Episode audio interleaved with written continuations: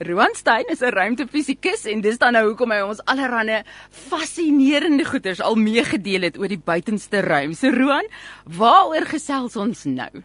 Goeiedag Janine. Ja, vandag is ek baie opgewonde om met jou te gesels oor die ruimte, want vandag is die eerste program van 'n reeks van programme wat ek beplan het waar ek elke planeet in ons pragtige sonnestelsel gaan voorstel en bespreek hoekom die planeet so spesiaal is en hoe ons God se almagtige hand in elkeen kan raak sien.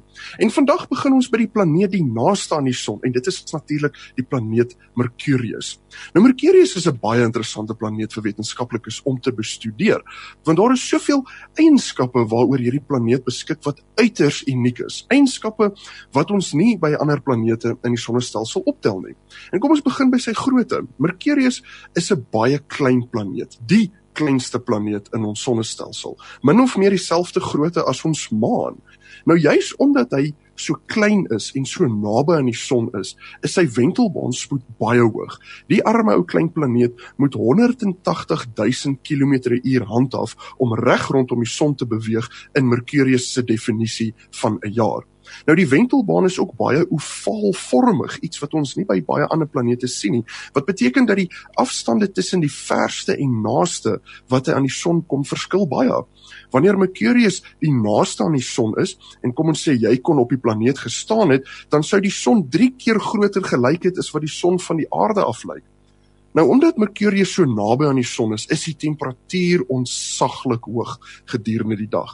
Temperature kan tot by 450 grade Celsius klim. Nou wat interessant is van die planeet is dat hy het nie 'n atmosfeer nie. Die atmosfeer is weggeskeur deur die verwoestende sonwind wat permanent van die son afgeblaas word. En die gevolg om nie 'n atmosfeer te hê nie en ons sien dit by ander planete ook, is dat geen van die hitte van die dag gehou word gedurende die nag nie. Daarom daal die temperatuur tot en met -170 grade Celsius in die nag. Dit is die grootste verskil in temperatuur tussen dag en nag wat ons in die sonnestelsel aantref.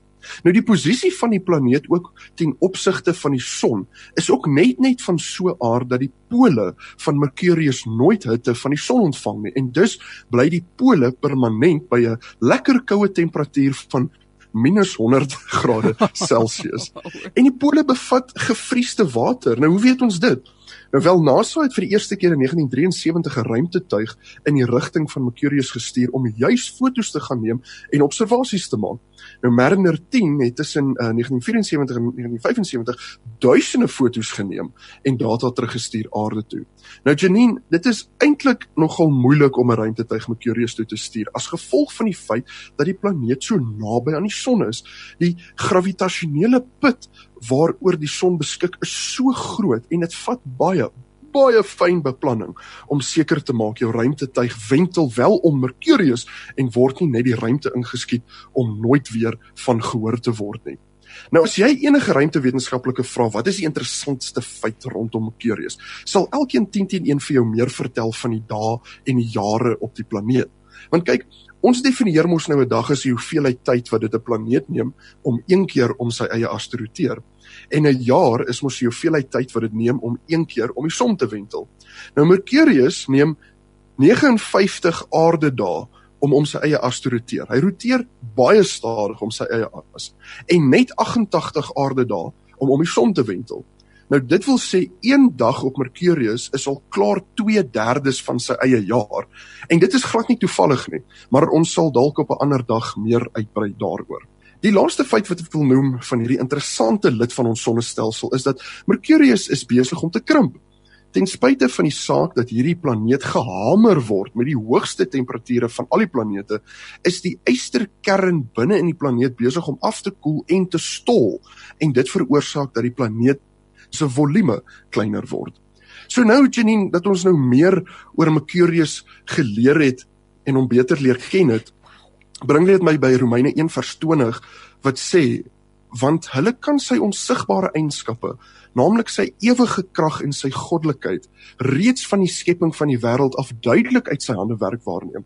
Daarom kan hulle hulle self nie verontskuldig nie Nou juis omdat vandag die eerste program is in 'n reeks van programme aangaande die planete, wil ek spesifiek vandag stil staan en klem lê op die laaste gedeelte wat sê die mens sal homself nie kan verontskuldig nie.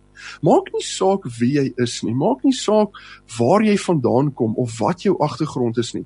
Daar is een ding waaroor ons almal kan saamstem en dit is dat geen mens het die planete gemaak nie. Nou dit mag dalk klink asof soos mense in Engels sou sê stating the obvious, maar dit is hoe van selfsprekend dit is. Die Bybel is duidelik hieroor. Niemand kan hulle self verontskuldig nie. Niemand kan onkundigheid pleit nie, want al wat jy moet doen is om op te kyk na die sterrehemel en na Mercurius te staar en te vra, watter mens het dit gemaak? En die antwoord is natuurlik geen mens het dit gemaak nie. En dit is die feit waaroor die hele mensdom kan saamstem. En ons as Christene is in so 'n bevoordeelde posisie om te weet dat ons lewende God het die heelal geskape en daar is min dinge so lekker soos om elke dag die skepping van die Here te sien en sy handtekening daarin te erken. Mm. Ek moet vir jou sê, hierdie uiterstes wat jy so beskryf is vir my eintlik 'n lekker manier om na God te kyk, want ons hou nogal daarvan om God veilig in ons adeboksie te hê, né? Daar waar dinge hanteerbaar is en ons mooi verstaan hoe dinge mekaar steek. Maar 'n planeet soos Mercurius het 'n manier om jou amper jou jou lyne te skuif vir jou van hoe warm en hoe koud nou eintlik koud kan wees en warm kan wees en dat God soveel verder gaan is wat ons breine eers kan verstaan, soveel uiterstes na die kante toe waar waar ons nie eens weet hoe hy werk nie, hoe hy funksioneer by sulke temperature wat hy nou daar geskep het by Mercurius nie. En die ander ding wat vir my baie baie interessant is is hierdie hoe jy beskryf het van hoe anders tyd is op Mercurius. Hoe hoe dit net heeltemal weer eens buite ons verwysingsraamwerk is en dat ons verstaan soveel van God binne ons tyd en dat hy op 'n heeltemal 'n ander vlak werk, 'n ander tydspersepsie het waarmee hy werk. Daar's soveel goed wat sin maak as jy dit deur sy tyd, deur sy oë kyk en dat Mercurius weer eens 'n fisiese manifestasie is van nie soos ons nie, né? Nee, dit is absoluut presies soos wat jy dit daar sê. Ek het ehm um, daar is soveel dieper wanneer dit kom by die tyd van Mercurius.